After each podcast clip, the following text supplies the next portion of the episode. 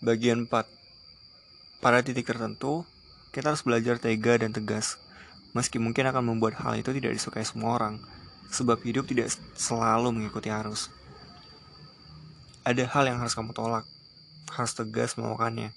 Bukan karena kamu tidak peduli, tapi itulah hal terbaik yang harus kamu lakukan saat itu. Belajar tega.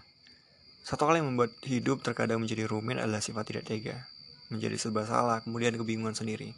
Padahal di waktu yang sama, kamu harus memilih sesuatu untuk kebaikan dirimu sendiri, tapi kamu malah bingung sendiri dengan apa yang harus kamu lakukan. Harus kamu pahami, berbuat baik pada orang lain itu tidak salah. Hanya saja, jika dengan melakukan itu malah membuat dirimu sendiri teraniaya, sepertinya hal demikian bukan pilihan yang tepat. Semisal ada teman yang ingin meminjam uang sedangkan kamu hanya punya 10 ribu untuk makan. Sementara temanmu sudah makan dan butuh untuk membeli rokok, tapi uangnya habis. Karena rasa tidak enak, tidak tega menolak, kamu malah menyerahkan uang 10 ribumu untuk dia membeli rokok. Padahal kamu paham rokok, di, rokok tidak begitu penting dibanding perutmu yang belum kamu isi apa pun. Begitu juga perihal perasaan.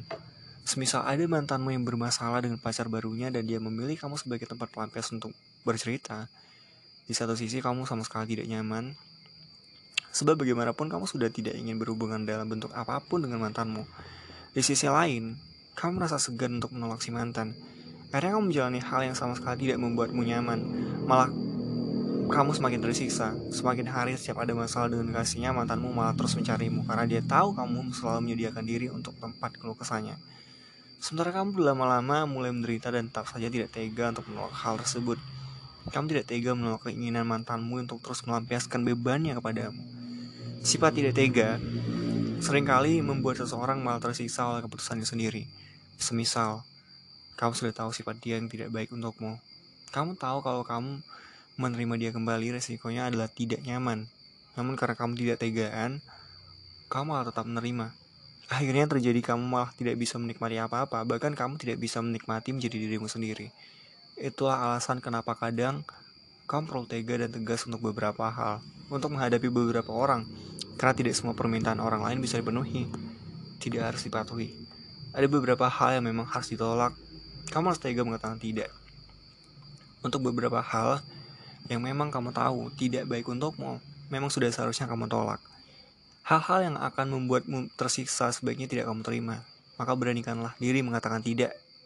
Jangan karena kasihan, tidak enakan, tidak tega, kamu malah membuat semuanya menjadi tidak baik. Percayalah, saat kamu menolak hal yang tidak baik untukmu bukan berarti sesuatu yang buruk akan terjadi padanya. Misalnya, kamu menolak teman yang meminjam uang untuk beli rokok, sementara kamu memang butuh makan. Maka dengan tidak merokok, dia tidak akan sakit. Sementara jika kamu tidak tega untuk hal itu, kamu malah bisa terserang penyakit. Atau kamu tetap memberi ruang untuk mantanmu bercerita, sementara kamu tidak nyaman. Lama-kelamaan, bisa jadi kamu malah dituduh oleh pacarnya, ingin merebut mantanmu lagi. Lebih parahnya, kamu bisa dituduh perusak hubungan orang. Maka pahamilah, ada hal yang harus kamu tolak, harus tega melakukannya. Bukan karena kamu tidak peduli, tapi itulah hal terbaik yang harus kamu lakukan saat itu.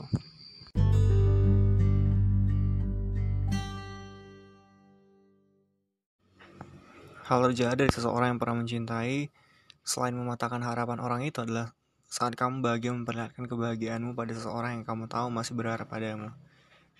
Jangan terlalu senang dengan kesedihan seseorang.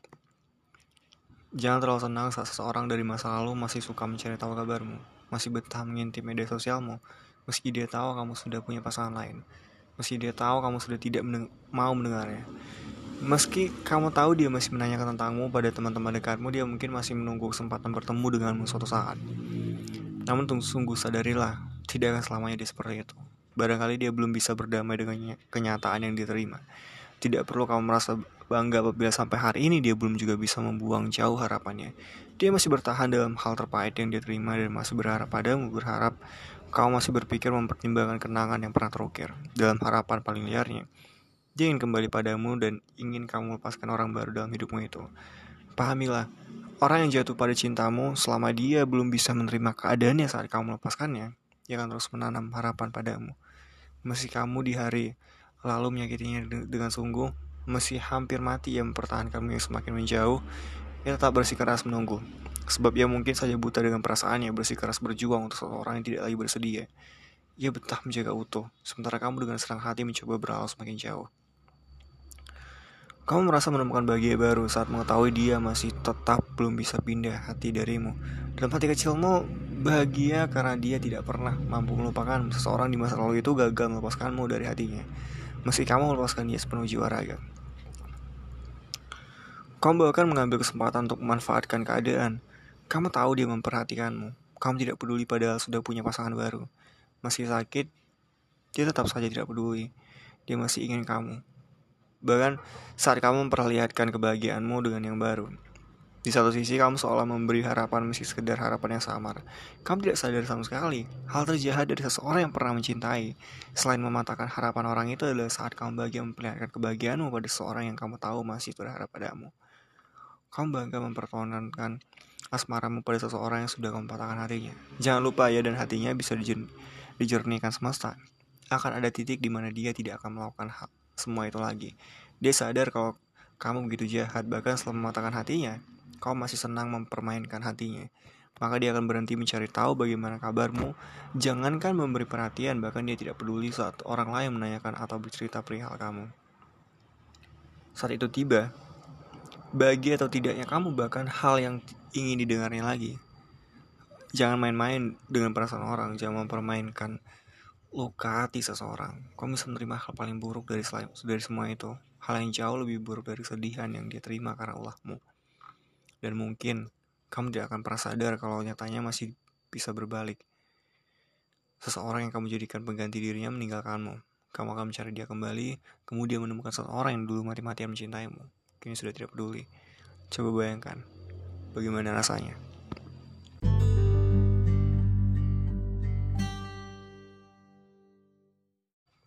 Kadang untuk menikmati bahagia, kamu memang harus sedikit tega terhadap orang-orang yang ingin merusaknya. Menghadapi mantan yang menjelma menjadi monster. Suatu ketika, di hari lalu seseorang pergi dari hidupmu karena nyatanya dia sudah tidak mencintai kamu lagi. Ada orang lain yang mampu membuat dia merasa bahagia. Kebahagiaan yang dia berikan yang diberikan oleh seseorang yang bukan kamu atau justru kamu yang akhirnya memilih pergi dan menjauh sejauh-jauhnya.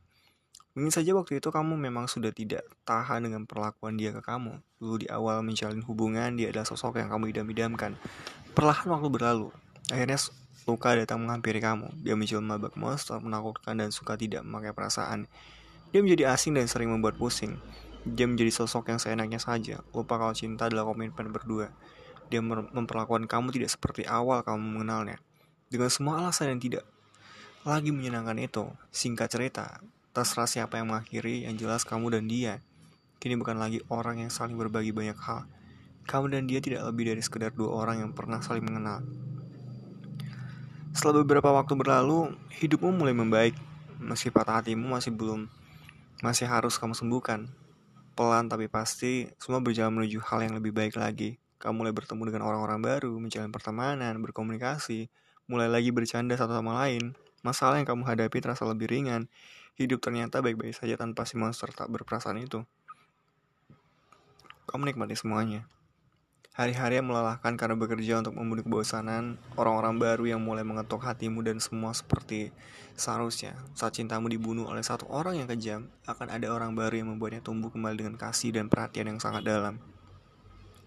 Namun saat semua terasa membaik, si monster keparat itu datang lagi. Entah sebab apa dia kembali bertandang Apakah dia disakiti oleh orang yang dianggap paling baik itu? Atau dia baru menyadari kalau ternyata orang yang dianggap lebih baik dari kamu itu tidak lebih hanyalah seekor monster juga? Dia merasa kalah menghadapinya lalu dia mencari kamu lagi menghubungi entah siapa dan akhirnya mendapatkan kontak ponselmu dan mengajakmu bertemu untuk sekedar ngopi rindu. Di acara ngopi rindu yang tak seberapa itu dia mulai terlihat menyesal dan membawa arah pembicaraan kepada permohonan kesempatan. Kamu pasti bisa membayangkan bagaimana raut wajah seekor monster jahat yang sedang mengajukan permohonan. Sungguhnya kamu sudah tidak tertarik lagi memelihara monster itu, meski kenangan bersamanya tidak bisa kamu tipu dan kamu juga masih rindu. Namun hidup terus berjalan. Sinetron panjang itu sudah kamu tamatkan. Kamu sudah memulai serial baru dalam hidupmu. Kamu bertemu dengan jagoan baru. Kamu mulai merasa skenario untuk kisah panjangmu. Semua orang saja bermulai dan kamu semua baru saja bermulai dan kamu benar-benar tidak ingin usai. Dengan berat hati, kamu mencoba menolak permohonan si monster. Saya dulu mencintai kamu. Sungguh saya benar-benar bersungguh-sungguh. Namun yang saya dapatkan hanyalah kenyataan kamu tidak bisa menerima saya. Katamu, saya terlalu banyak kekurangan. Sakit rasanya belajar melupakan orang yang saya sayangi. Namun waktu ternyata berbaik hati. Kamu bisa saya anggap biasa saja pada akhirnya. Kini ada orang baru dalam hidup saya dan saya berharap kamu bisa menerima keputusan saya. Kamu mencoba memberi senyuman, tapi sepertinya monster itu kecewa padamu. Dia masih sama seperti dulu, egois dan ingin menang sendiri. Setelah kejadian itu, kamu masih dihubunginya. Karena merasa segan entah kasihan, kamu membiarkan dia menghubungimu. Lama-kelamaan, si monster itu mulai suka senangnya saja. Dia mulai mengganggu kamu dengan hidupmu yang baru. Dia mulai mencoba mengacaukan hari-harimu. Semakin hari kamu semakin tidak nyaman. Dia ternyata lebih menyebalkan saat sudah menjadi mantan. Dia seperti teroris, meneror, menerormu tidak habis-habis. Kamu sangat terganggu. Kini mulai tak ada lagi rindu. Satu-satunya hal yang kamu inginkan saat ini adalah dia pergi sejauh mungkin dan tidak mengganggu hidupmu lagi. Namun kamu masih membiarkan dia memiliki akses untuk menghubungimu. Ada hal yang kamu lupakan dari caramu menjauhi dia. Begini, kalau kamu memang sudah tidak nyaman, hidupmu adalah pilihanmu, wewenangmu. Dia hanya seseorang yang datang dari masa lalu, meskipun dulu kamu pernah sayang kepadanya, kini kenyataan tak lagi sama. Harusnya kamu sadar bahwa dia bisa kembali berhubungan denganmu adalah atas izinmu. Maka putuskanlah izin itu. Kalau perlu, blok semua akses dia kepadamu. Kadang untuk menikmati bahagia, kamu memang harus sedikit tega kepada orang-orang yang ingin merusaknya. Berhentilah menjalani drama panjang saat kamu membiarkan dia menghubungimu dan membuat suasana saling menyakiti.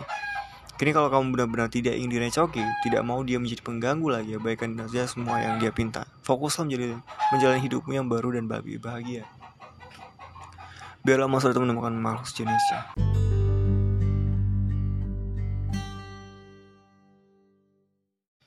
Mantan pacar yang menjalin hubungan asmara dengan teman dekatmu. Kalau sudah menjadi mantan, artinya sudah bukan urusan kamu lagi jika dia mau menjalin hubungan dengan siapa, sekalipun dia menjalani hubungan dengan teman dekatmu dengan orang yang kamu anggap sebagai saudara yang mungkin kedekatanmu melebihi hubunganmu dengan saudaramu sendiri. Namun ternyata diam-diam atau terang-terangan depan dekatmu menjalin hubungan dengan mantan pacarmu dan kamu mengetahui semua itu. Tentu kamu akan merasa patah hati berkelipat.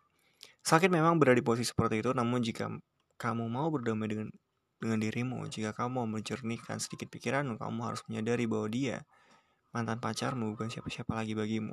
Jadi secara logika, dia bebas ingin menjalin hubungan dengan siapa pun. Itu haknya karena dia sudah lepas darimu. Termasuk jika mantan pacarmu memilih menjalin hubungan dengan teman dekatmu, dengan sahabatmu, itu hak mereka.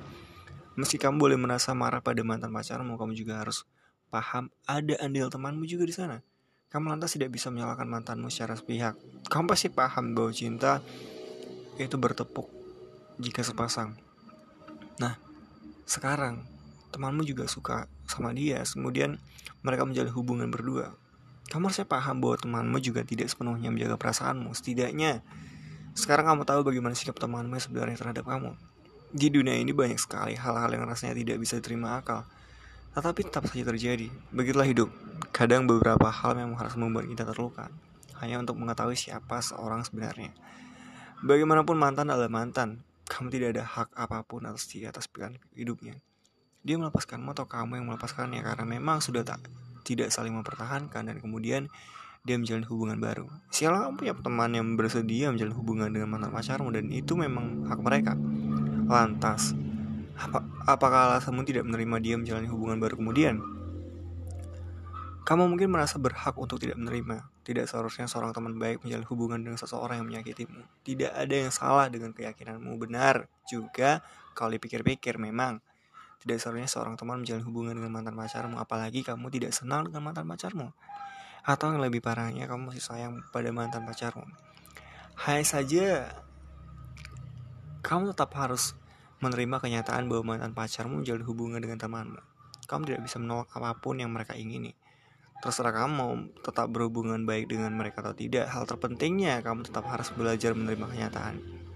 Ini kenyataan yang menyakitkan memang, namun jika kamu mau merenung sedikit saja, bukankah itu memang hak mereka, meski mereka sama kejamnya?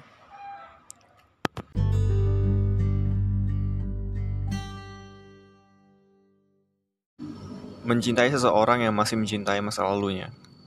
Apa pun bentuk jatuh cintamu, selalu ada resiko atas pilihan itu. Setiap hubungan akan dihadapkan pada masalah-masalah. Ada masalah sepele lalu dibesar-besarkan, ada masalah yang besar malah bisa disepelekan. Beberapa orang suka memperumit hubungan yang dia jalani, bahkan ada yang suka memperumit diri sendiri bahkan. Ada yang sudah tahu hubungan itu beresiko membuat luka, malah tetap saja memaksa untuk menjalaninya. Ada yang dari awal sudah paham sifat buruk seseorang adalah hal yang tidak bisa dia terima, tapi tetap saja melanjutkan cerita dengan dia. Saat kamu mengenal seseorang, dan belum terlalu jauh menjalani hubungan dengannya, belum ada ucap cinta dan mengikat janji setia, belum ada komitmen dan kesepakatan untuk bersama lalu mengetahui sifat dia yang mungkin akan jadi masalah bagimu di hari depan, maka berhentilah memaksakan untuk tetap bertahan. Mungkin nasib cintamu dengannya hanya sebatas saling tertarik dan saling menginginkan saja. Sampai tahap itu, kamu tahu kamu masih bisa bahagia. Tapi jika diteruskan, yang terjadi hanyalah perkara-perkara yang bikin kamu malah tidak bahagia kemudian. Kamu tahu tidak sepenuhnya bisa menerima dia dengan segala hal-hal yang dimilikinya, termasuk perasaan dan harapan dia pada seseorang di masa lalunya. Kamu jatuh cinta pada seseorang yang masih menyimpan hatinya di dada seseorang di masa lalu. Dan kamu sama sekali tidak bisa menerima kenyataan seperti itu dengan mudah. Tidak semua orang harus menerima masa lalu seseorang. Kalau memang itu adalah hal yang seharusnya sebuah masalah bagi setiap orang dalam hubungan percintaannya, bo boleh menganut prinsip apa saja. Ada orang yang sudah berdamai dengan dirinya sendiri, menyadari dia juga punya masa lalu yang mungkin lebih buruk, lalu menerima orang baru lengkap dengan masa lalunya, lengkap dengan masalah-masalah yang mungkin terjadi pada dirinya. Barangkali yang, yang begini, dia tipe orang yang suka mempermudah yang, yang rumit, bukan memperumit yang mudah dia pun bisa menjalani hubungan dengan santai. Itu akhirnya dia paham bahwa tidak ada satu orang pun di dunia ini yang benar-benar bisa memiliki bisa dimiliki hati dan jiwanya seutuh-utuhnya. Selalu ada bagian-bagian dari jiwa manusia yang disimpan untuk orang lain. Hanya saja ada yang sekedar menyimpan dalam diri dan juga ada yang menyimpan lalu bermain-main dengan perasaan itu. Kalau kamu suka pada seseorang dan dari awal kamu sudah tahu dia masih menyimpan perasaan pada mantannya, belum sepenuhnya bisa menerima diri dengan hidupnya yang baru, masih berharap dengan orang di masa lalu itu, sementara kamu tidak yakin bisa menerima seseorang yang seperti itu, sebaiknya kamu jangan memaksakan diri. Hubungan yang dimulai dengan perasaan tidak yakin hanya akan menimbulkan masalah, yang kadang dibikin-bikin kemudian. Kamu perlu tahu orang yang masih berharap pada mantannya masih menaruh perasaan ingin memiliki kekasih masa lalunya itu biasanya pemikiran perihal asmaranya ribet. Nah, kalau kamu juga termasuk orang yang suka memperumit banyak hal, kamu dan dia akan menjadi sepasang kasih yang suka berumit-rumit. Kamu bisa bayangkan hubungan seperti apa yang akan kamu temukan. Ada banyak hubungan yang bermasalah bukan karena masalah itu datang begitu saja. Beberapa orang tidak mau menenangkan diri dan berpikir lebih jernih. Terlalu memaksakan diri untuk hal-hal yang sebenarnya dia tahu akan menimbulkan luka. Hubungan yang baik tidak dimulai dengan hal buruk, tidak dimulai dengan pikiran-pikiran buruk. Kalau dari awal kamu sudah menaruh prasangka buruk terhadap seseorang, yang akan menjadi pasanganmu, besar kemungkinan perjalanan asmaramu dengan dia akan dipenuhi keburukan-keburukan pula. Akan timbul masalah-masalah yang melelahkan.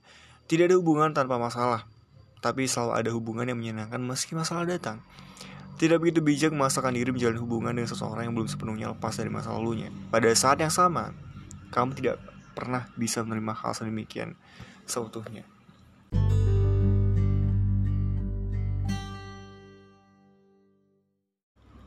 Mungkin bukan dia yang jahat. Mungkin saja dia pergi bukan karena dia yang jahat, bukan karena dia yang ingin sengaja menyakitimu, tetapi mungkin karena dia sudah lelah sabar menghadapi egoisnya sikapmu. Lelah dengan keinginan kamu yang harus selalu dituruti. Lelah dengan semua kekuasaanmu atau hubungan yang dimiliki. Dia benar-benar merasa hubungan itu menjadi milikmu saja, bukan milik berdua lagi. Segala yang dijalani bersama tiba-tiba menjadi kendalimu sepenuhnya. Tidak ada lagi tukar suara, tidak ada lagi saling menerima yang berbeda. Mungkin saja dia pergi bukan karena dia tidak tangguh. Bukan karena dia tidak bisa diandalkan, tapi mungkin karena sikapnya yang suka berpikir dangkal. Setiap hal kecil selalu saja kamu masalahkan, hal-hal sepele selalu saja kamu besar-besarkan, hingga akhirnya membuat perasaan teramat lelah kemudian. Dia mencoba sabar berkali-kali menghadapi kamu, namun demikian diberi hati. Kamu mulai menusuk, kamu mulai menusuk jantungnya, menelan kepalanya, musnahkan rasa nyamannya. Kamu menjadi seperti monster yang ingin menguasai kota. Dia merasa asing dan terancam dengan adanya kamu. Padahal dia dan kamu harusnya bertahan, sebab masih memiliki perasaan sama dan merusak rindu. Mungkin dia pergi bukan karena cintanya sudah habis akibat kamu yang terus saja menghabisi sisa perasaan yang dia miliki, bukan karena dia yang sengaja membuatmu menangis, tapi mungkin karena kamu menabung duri dadanya dan terus membuat sedih dan perasaan teriris. Dia mencoba berkali-kali memperbaiki hal yang selalu ingin kamu rusak. Semakin kuat dia mulai lagi, semakin jahat saja kamu menyakitinya. Mungkin dia pergi bukan karena dia tidak ingin hidup denganmu, tapi mungkin karena kamu pelan-pelan menyisakan yang membunuh semua impiannya, menyerang segala hal yang dia perjuangkan. Kamu menjatuhkan semua yang dia tinggalkan, kamu hancurkan segala harapan yang dia bangun, kamu menjadi berbeda dan ingin menang saja. Dia akhirnya pergi bukan karena ketangguhannya sudah pupus, dia pergi hanya untuk menerima, yang bisa menerimanya dengan lebih tulus, bukan yang membunuh pelan-pelan perasaan dan menyingkirkan semua rasa nyaman.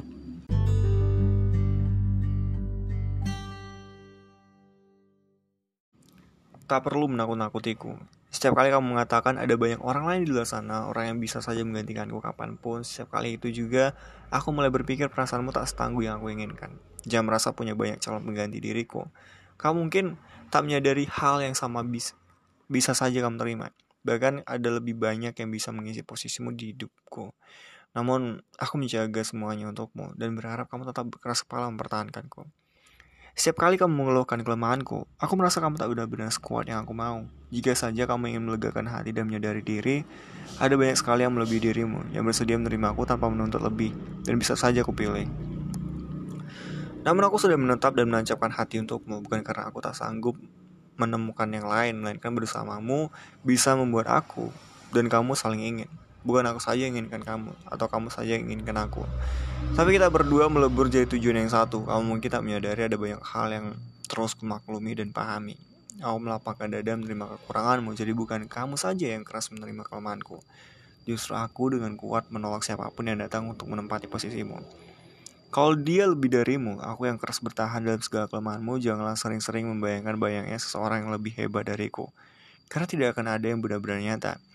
Kamu tak akan menemukan seorang setangguh aku menghadapi dirimu. Dekaplah aku untuk terus menguatkan. Jangan hadirkan hal-hal yang membuatku jadi terlemahkan. Seharusnya, jika kamu memang ingin denganku, saya buat apa pun bayangan dari seseorang yang datang kepadamu, ataupun dia yang menawarkan manisnya madu, kamu akan tetap bertahan denganku, mempertahankan aku yang menyerahkan diri untuk untuk menjadi milikmu. Kamu boleh saja menuntut hal-hal yang masuk akal kepadaku sebab kamu berhak menerima hal terbaik yang aku bisa, cukup dengan mendampingi dan menyemangati. Jangan menakut-nakuti kalau aku lemah. Kamu akan punya pengganti karena saat kamu yang lemah, aku bisa curi tanpa perlu kamu takut-takuti. Aku paham kita tidak sempurna sama sekali. Hal yang kita bisa adalah melakukan apa pun dengan cara terbaik, mengusahakan dengan kesungguhan hati. Jadilah lengan yang memelukku saat aku merasa terpuruk, senyum yang mengembang bila saja aku berhasil menang. Jangan ingin baikku saja, temani juga aku memperbaiki hal buruk yang aku punya. Seperti akan kupayakan padamu, agar semua impian mampu kita raih satu persatu. Bila aku belum mampu menjadi sesuatu sesuai inginmu, ajaklah aku belajar dengan cara baik dan santun darimu. Sebab membayangkan ada orang lain yang bisa menggantikanku seandainya aku gagal, hanyalah cara yang akan melukai perasaanku lebih dalam. Sebab aku bisa saja merasa kamu tidak benar-benar cinta.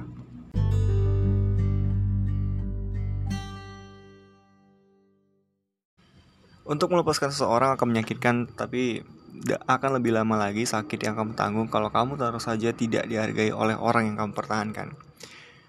Kekasih yang tak pandai menghargai dan penuh curiga. Kadang kalau seseorang sudah merasa dicintai suka menjadi seenaknya. Mentang-mentang dia tahu kalau kamu sayang padanya, dia malah berlaku semena-mena. Bahkan kamu bisa menjadi bulan-bulanan masalah dia.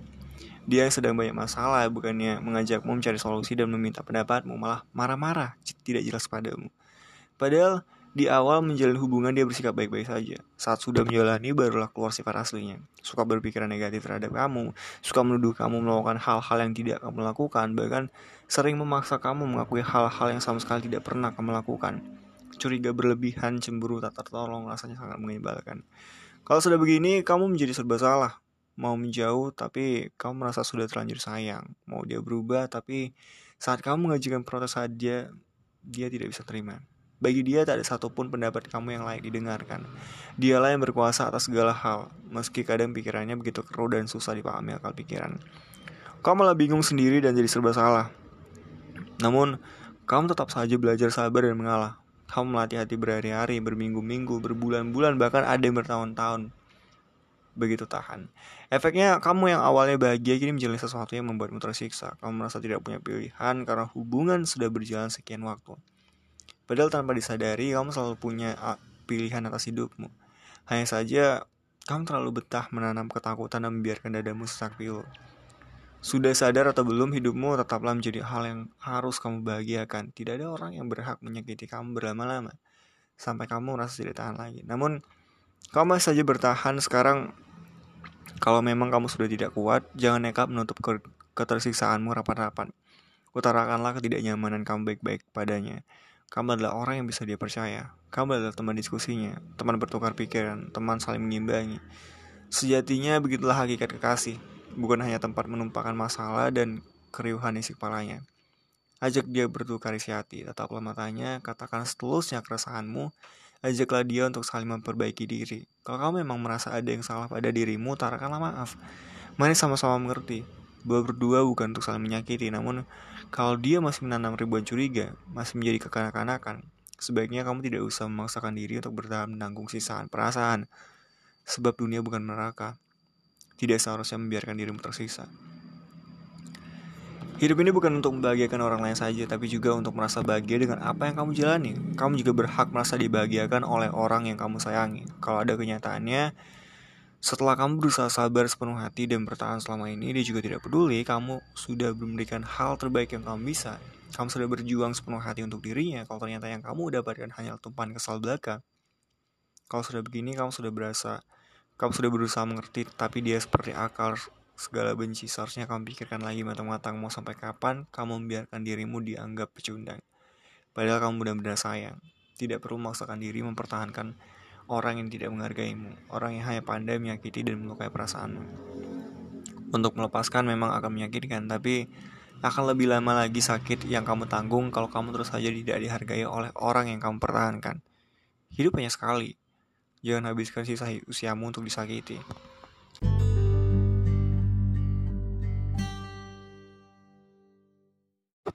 Orang yang tersakiti Orang yang paling sering disakiti adalah orang yang paling kuat hatinya, namun bukan berarti dia harus memberimu kesempatan lagi dan lagi. Janganlah mentang-mentang seseorang bersedia menerimamu lagi, kamu merasa dia bersikap sesukamu kembali. Mungkin yang tidak kamu tahu, dia menerimamu sebab rasa kasihan padamu saat kamu bersikap yang sama kembali menyakiti bisa jadi rasa itu hilang dan kamu akan dihilangkan. Selamanya. Orang-orang yang disakiti tetapi masih bersedia memberi kesempatan sungguhnya memiliki perasaan yang tidak pernah sama lagi. Maaf, selalu bisa diberikan. Luka perasaan sulit sekali benar-benar dihilangkan. Barangkali dia hanya menerima dirinya yang pernah kamu curangi, bukan menerima dirimu yang sama saat kembali. Dia mencoba menenangkan getir dalam dada dan berharap kamu menjadi orang yang baru, yang tidak lagi seperti yang melukainya di hari lalu. Harusnya saat kamu diberi kesempatan, kamu benar-benar memperbaiki kesalahan, bukan mengulangi hal-hal yang sama, sebab mencintai seseorang yang melukai dengan cara yang sama berkali-kali adalah mencintai dengan perasaan yang tidak lagi menyenangkan. Hari ini mungkin kamu masih diberikan kesempatan, esok tidak ada yang bisa memastikan hati masih terbuka. Sebab tertutup hati orang yang tersakiti adalah tertutup segala kesempatan yang pernah dia beri. Kamu akan kehilangan segalanya yang ada pada dirinya, bukan hanya perasaan, tapi juga kesempatan untuk menjadi apa pun dalam dirinya. Orang-orang yang tersakiti tetapi masih memberi kesempatan bukan semata dia terlalu baik. Mungkin dia begitu mencintaimu dan sudah selayaknya kamu tahu diri akan semua itu. Bagaimana mungkin kamu masih tega menyakiti seseorang yang begitu dalam menjaga perasaanmu saat kamu bahkan tidak lagi menjaga perasaannya? Jika rasanya memang masih ingin menjadi penjahat perasaan, seharusnya kamu tidak berharap kembali pada dia yang begitu tulus dan teguh mempertahankan hubungan. Dia bukan tidak bisa mati sebab terluka, dia hanya ingin hidup lebih baik dari apa yang pernah dia terima.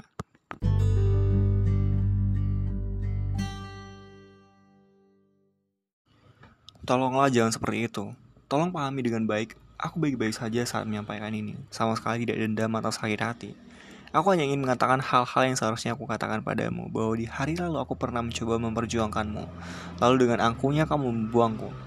Aku pernah berusaha sepenuh hati berjuang setengah mati menempuh banyak jalan, namun kamu merasa berada di atas awan. Dan bagimu aku hanya tanah, jauh sekali di bawah.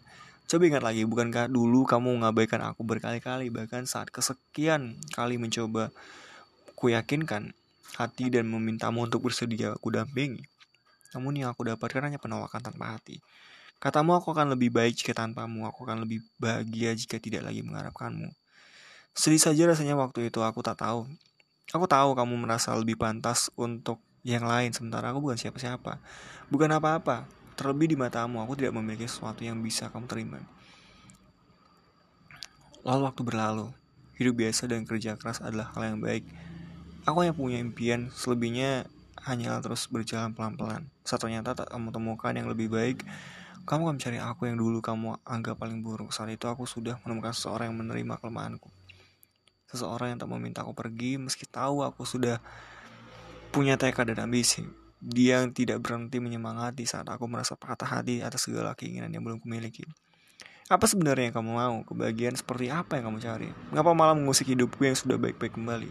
Bukankah semua ini yang kamu abaikan dulu? Bukankah bagimu aku lebih baik bukan denganmu? Hal apa yang kamu inginkan dengan datang lagi mencari? Apa yang ingin kamu temukan dari seseorang yang pernah kamu anggap tak berarti dan tak memiliki potensi yang baik dari diri ini? Jangan seperti itu. Kamu kuanggap teman lama aku, tidak perlu memasuki dan mengusik siapa pun yang menerima aku. Dia mungkin tidak sehebat kamu, tapi bagiku dialah penang rindu. Dialah pulang untuk segala kelemahanku. Dialah yang keras kepala menerimaku, meski aku bukan siapa-siapa waktu itu. Tidak perlu menyalahkannya, dia tidak ada urusan apa-apa dengan sekeping kisah sedih yang pernah ada. Kisahku yang pernah kamu tolak tanpa pernah memikirkan rasanya dan patah dan retak.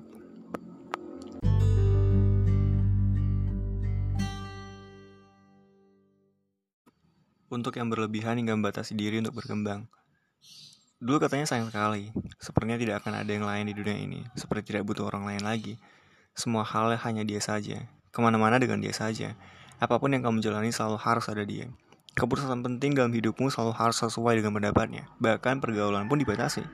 Peluang berkembang berdihambat, relasi hilang satu persatu. Kamu semakin tidak punya teman lain, seolah bisa berkembang dan hidup dengan satu orang yang itu saja. Sosialisasi sama manusia saja tidak lagi dijalani sebagaimana mestinya. Namun hujan itu sudah berhenti. Keramaian perasaan itu sudah pergi. Karena beberapa masalah akhirnya hatimu patah. Dia yang kamu banggakan mati-matian itu benar-benar membuatmu mati pelan-pelan. Dia yang kamu sayangi sejiwa sesemesta hanya sanggup bertahan sementara waktu. Kamu hilang dalam bagian penting rencananya saat kamu kesempatan berkembang selalu berlalu begitu saja. Saat kamu memilih memperjuangkannya, kini kamu asing dengan dunia. Kamu tidak kenal siapa pun lagi. Apakah ini cinta yang kamu cari? Sekarang untuk bertemu kamu saja, dia tidak mau. Malah, malah saling menumpuk rasa benci. Dia memilih orang lain ternyata saat bersamamu, kamu saja yang membatasi diri berkembang. Dia tetap saja berteman dengan yang lain dan memiliki banyak peluang. Saat lepas darimu, saat dia melepaskanmu, saat kamu masih terkatung-katung sendirian, dia sudah dengan yang lain tanpa bisa kamu persalahkan. Kini kamu luntang gantung, kamu sudah terlanjur terikat tanpa diikat oleh perasaan padanya hal yang kini tidak lagi dia rasa padamu.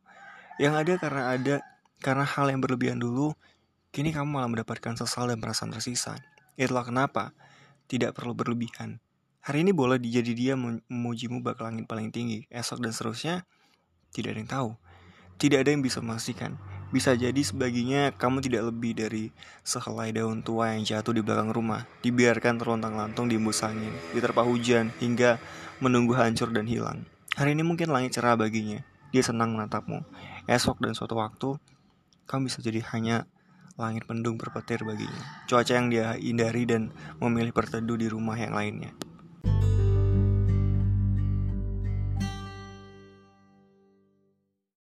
Rasanya selalu dituduh melakukan hal yang tak dilakukan. Satu hal yang membuat hubungan terasa mulai menyebalkan adalah karena salah satu mulai berlaku berlebihan menanam sikap prasangka buruk yang membabi buta, kepercayaan yang tidak lagi terasa. Apa pun yang dilakukan semua mulai tidak diberi kebebasan. Ketakutan berlebihan yang terlalu dijaga, padahal jelas semua yang dijalani selama ini adalah usaha paling saling menghormati, melindungi dan berkomitmen menjaga hati. Suatu saat ketika dia mulai sibuk, kesibukan yang membawanya tenggelam dalam rutinitas dan mengurangi pertemuan denganmu, dia mungkin lebih banyak menghabiskan waktu bersama orang-orang seprofesinya.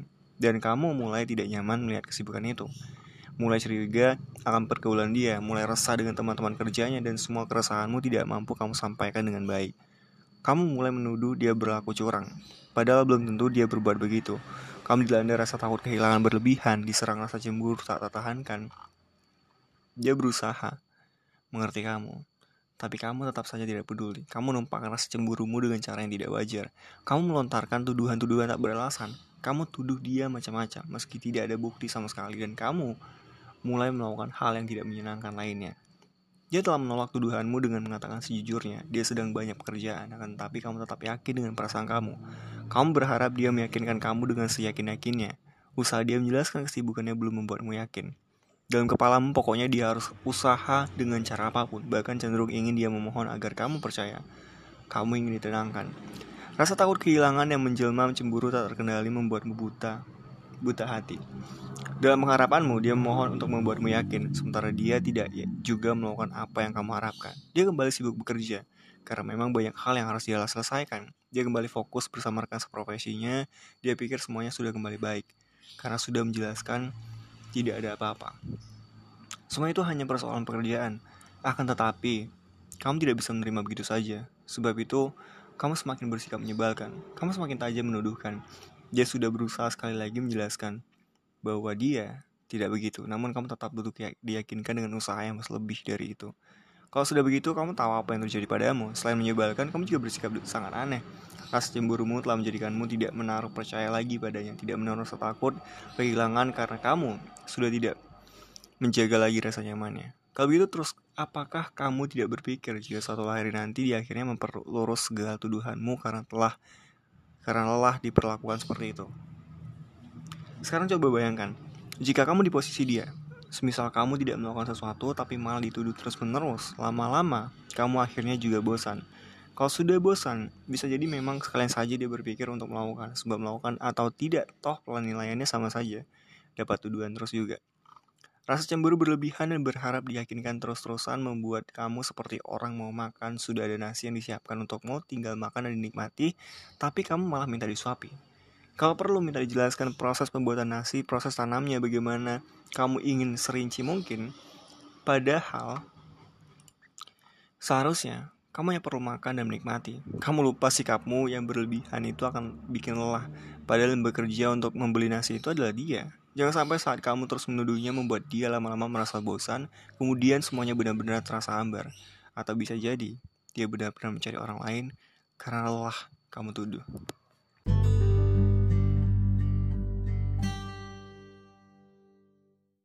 Saat ada seseorang yang menarik sementara dia sibuk, masih kamu tahu dia setia. Satu hal yang paling sulit dari menjaga hubungan yang sudah kamu pilih dan jalani yaitu adalah saat ada orang baru datang dalam hidupmu dan merasa dia memiliki sikap dan hal-hal yang kamu butuhkan. Dia baik, ramah, segalanya terlihat menarik. Sementara pasanganmu tak lagi begitu. Pasanganmu terlalu sibuk bekerja, terlalu sibuk mengejar impiannya, sementara orang baru bisa memberikan perhatian.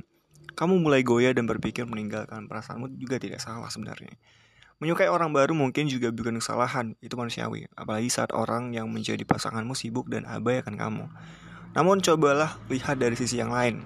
Bagaimana kalau ternyata di mata pasanganmu kamu juga begitu? Dia menemukan seseorang yang lebih baik dari kamu, seseorang yang bisa diajak berdiskusi dengan kepala tenang, seseorang yang tidak menuntutnya mengabari setiap waktu, seseorang yang mengerti kalau dia sedang berjuang, seseorang yang membuatnya nyaman meski dia tak bisa membalas kenyamanan yang sama. Dia harus bekerja dan sibuk dengan hidupnya. Karena kamu sudah lebih dulu dia pilih. Dia paham, dia harus berkomitmen denganmu. Dia tahu kamu menyebalkan, tapi dia lebih suka belajar sabar. Dia rela bekerja hingga kelelahan hanya untuk masa depan yang lebih baik denganmu. Meski kamu tak tahu semua itu, meski kamu tetap marah saat dia lupa mengabarimu, dia tetap sabar. Meski saat lelah kamu malah mengomelinya, padahal semua yang dia lakukan untuk kebaikanmu di masa depan dengannya. Anda mau memilih, dia bisa saja meninggalkanmu kapan saja. Dia bahkan bisa mendapatkan yang lebih baik darimu, yang tidak menyebalkan sepertimu, yang tidak pernah berpikir akan meninggalkannya. Seseorang yang tabah mengimbanginya. Dia bisa melakukan apa saja, tapi dia tetap bertahan untukmu hanya karena satu alasan sederhana. Dia mencintaimu apa adanya. Lalu apakah kamu masih berpikir untuk menyakiti seseorang yang bahkan tak tega menyakitimu? Jagalah perasaannya. Mungkin dia bisa saja pergi, tapi demi menjaga perasaanmu, dia tetap berada di sisimu sampai hari ini.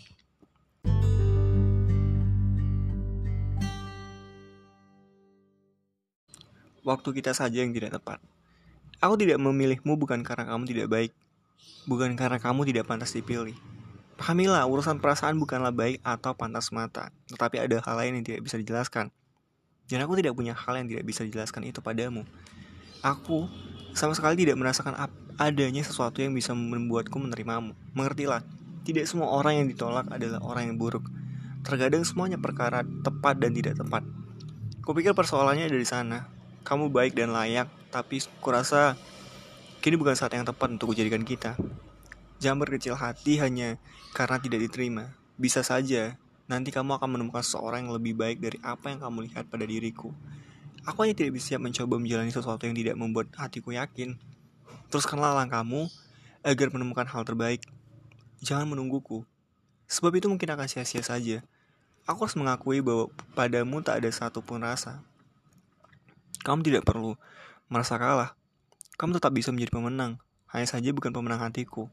Menangkanlah hati seseorang yang lain. Seseorang yang bila berada di dekatmu, hatinya bergetar tak menentu. Bila jauh darimu, rindunya menggebu-gebu. Tak perlu menyalahkan dirimu sendiri sebab seandainya bila kita memaksakan untuk menjalani ini, tentu tidak akan berlangsung sepenuh hati. Apalah artinya jika kamu ku terima, tetapi hatiku tidak pernah benar-benar kamu punya. Mungkin lebih baik begini kalau akan ada sedikit kecewa, semoga saja tidak akan berlangsung lama. Aku tahu kamu hebat menjalani hari ini. Maka berjalanlah lebih jauh lagi, hingga ada seseorang yang merasakan rindu bila kamu dan dia tidak bertemu. Seseorang yang merasa bahagia saat menatap matamu suatu ketika, Jangan hiraukan aku, aku melangkahlah dengan perasaanmu yang seharusnya. Kamu harus bahagia tanpa pernah menjadi kita. Aku akan melanjutkan hidupku juga. Mungkin dengan seseorang yang kutemukan atau yang menemukanku. Mungkin dia tidak sebaik kamu Tidak sehebat kamu juga Tapi dia bisa menghindar, menghadirkan rasa rindu di dadaku Percayalah, jatuh cinta tidak semata perkara tampilan luar tubuh belaka Jatuh cinta adalah jatuh dalam jiwanya Aku ingin mencintai seseorang yang membuatku merasakan semua itu Seseorang yang tidak peduli sedang hujan atau panas dan tetap saja membuat aku rindu setiap hari.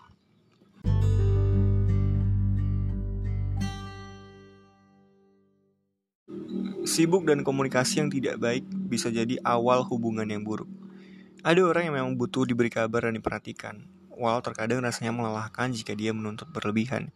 Tetapi, jika dia masih menginginkan kabar dalam hal yang wajar, misalnya dikabari sekali hari atau sebelum tidur jika memang harimu sedang sibuk, atau dalam waktu tertentu saat kamu tidak bisa memberi kabar setiap hari karena ingin fokus menyelesaikan sesuatu, pekerjaan yang mendesak, atau ujian yang mendekat, dan kamu butuh waktu untuk berkonsentrasi penuh, maka ada baiknya diutarakan dan diberi penjelasan bahwa untuk beberapa waktu ke depan, bahwa kamu memang butuh fokus dan tidak bisa memberi kabar seperti biasanya. Sebab, orang yang butuh dikabari sesungguhnya hanya ingin tahu bagaimana harimu, yang mencemaskan keadaanmu yang hilang tanpa kejelasan begitu. Berkabar adalah satu hal yang memegang peran penting dalam hubungan. Apalagi di era alat komunikasi sudah memadai untuk berkomunikasi, berkomunikasi melalui cara apa pun, tidak ada alasan yang bisa dipakai hingga tidak bisa berkabar. Karena itu, gunakanlah pola komunikasi yang baik. Hal terpenting sebenarnya bukan perkara berkabar dan perhatian setiap hari atau setiap saat, tetapi lebih penting adalah kamu harus bisa memberikan rasa aman dan nyaman terhadapnya. Setiap orang butuh kejelasan dan berita dari orang yang disayanginya. Kalau memang tidak bisa dan kamu sudah menjelaskan sebelumnya, maka tidak akan ada lagi kekhawatiran berlebihan. Jika kamu mengabaikan seseorang, tidak bertukar kabar, tidak memberi penjelasan atas kesibukanmu dan merentang waktu yang sekian lama padahal dia sudah mencoba meminta penjelasanmu, kamu malah, kamu malah seperti menghindar dan enggan menggunakan komunikasi yang baik.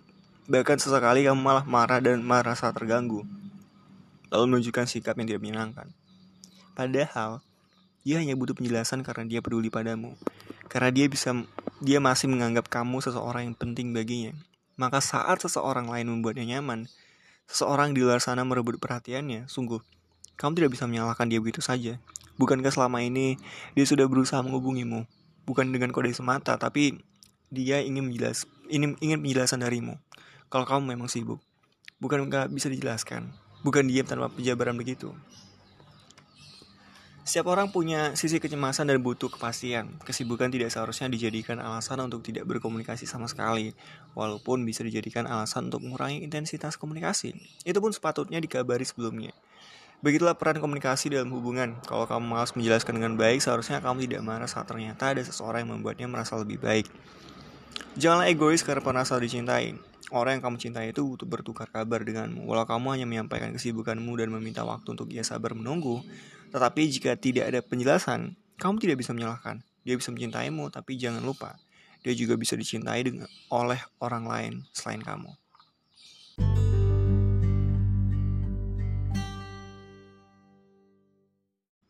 Kamu yang sedang merasa kamu yang utama. Bagian ini mungkin lebih sulit dari sekedar melupakan seseorang.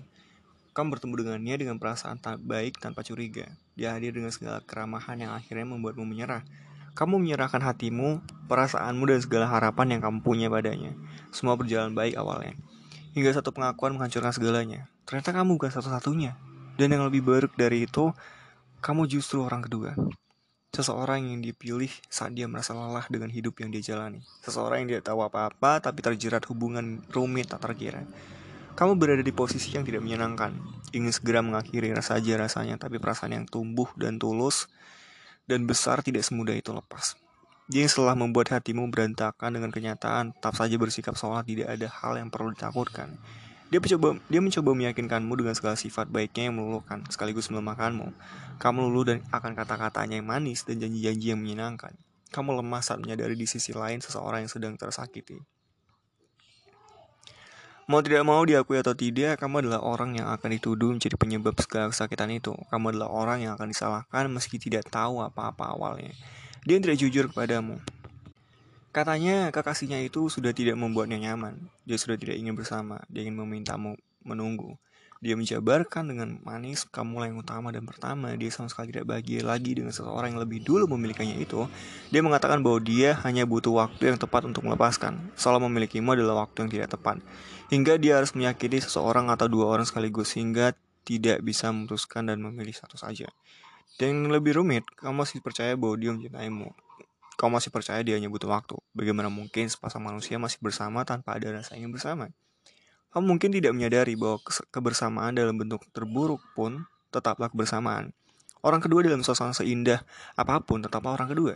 Tidak akan ada kebersamaan tanpa sebuah keinginan keduanya. Meski setiap kali bertemu, kamu setiap kali memberi ruang padamu, dia selalu mengatakan kamulah yang pertama, kamulah yang terpenting. Namun, apakah kamu pernah memikirkan dengan lebih sederhana, apa benar kamu yang pertama? Apa iya dia tidak memiliki perasaan pada seseorang yang bukan kamu?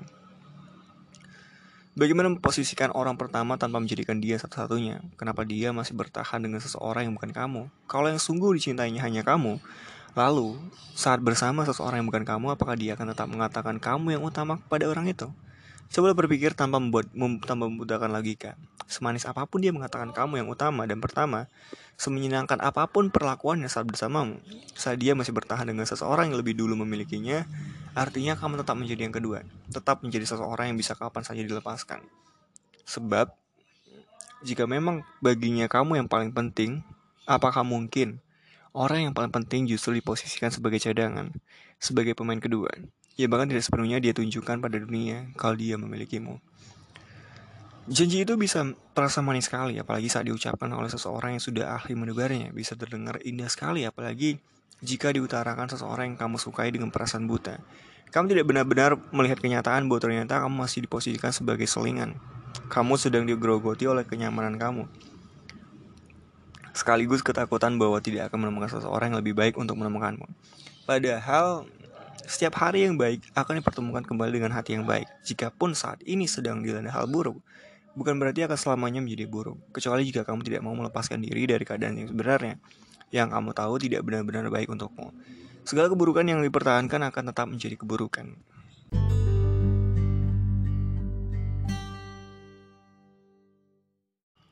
Setiap orang pasti memikirkan perihal menikah.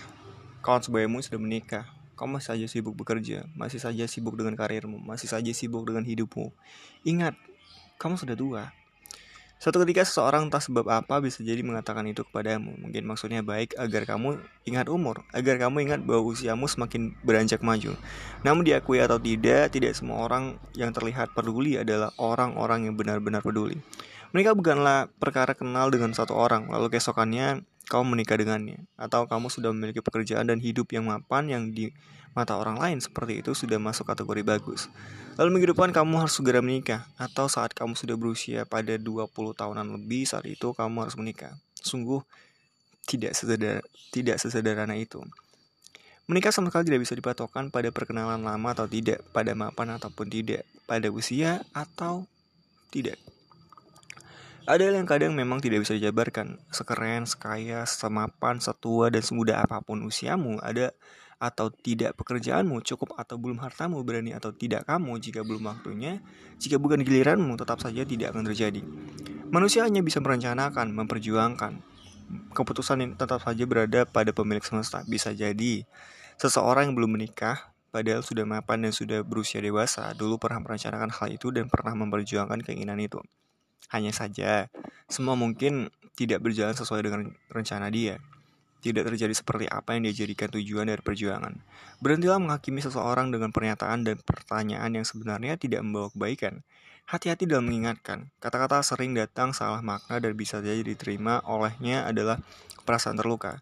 Lagi pula kalau bukan siapa-siapa, bukan orang yang bisa mengeluarkan kata-kata yang menenangkan, bukan yang memberi nasihat yang menyenangkan, dan untuk apa melempar pertanyaan-pertanyaan yang mungkin memiliki unsur sensitif seperti itu? Sadarilah tidak semua orang bisa memahami hal itu dengan sederhana. Ada orang yang memang tidak suka dilempari pertanyaan semacam itu. Semacam kapan menikah. Jika tidak bisa menyampaikan dengan cara yang baik, jika bukan orang yang akan membuatnya merasa ternasihati, jika tidak membuatnya merasa diingatkan dengan sungguh, sesungguhnya tidak ada perlunya untuk kamu bahas itu dengannya. Kadang hal-hal remeh seperti itu bisa merusak persahabatan, bisa merenggangkan persaudaraan. Kenalilah seseorang sebelum melemparkan pertanyaan-pertanyaan sensitif kepadanya. Siapa pun akan selalu ingin hal baik untuk hidupnya, hal yang sering dilupakan orang lain.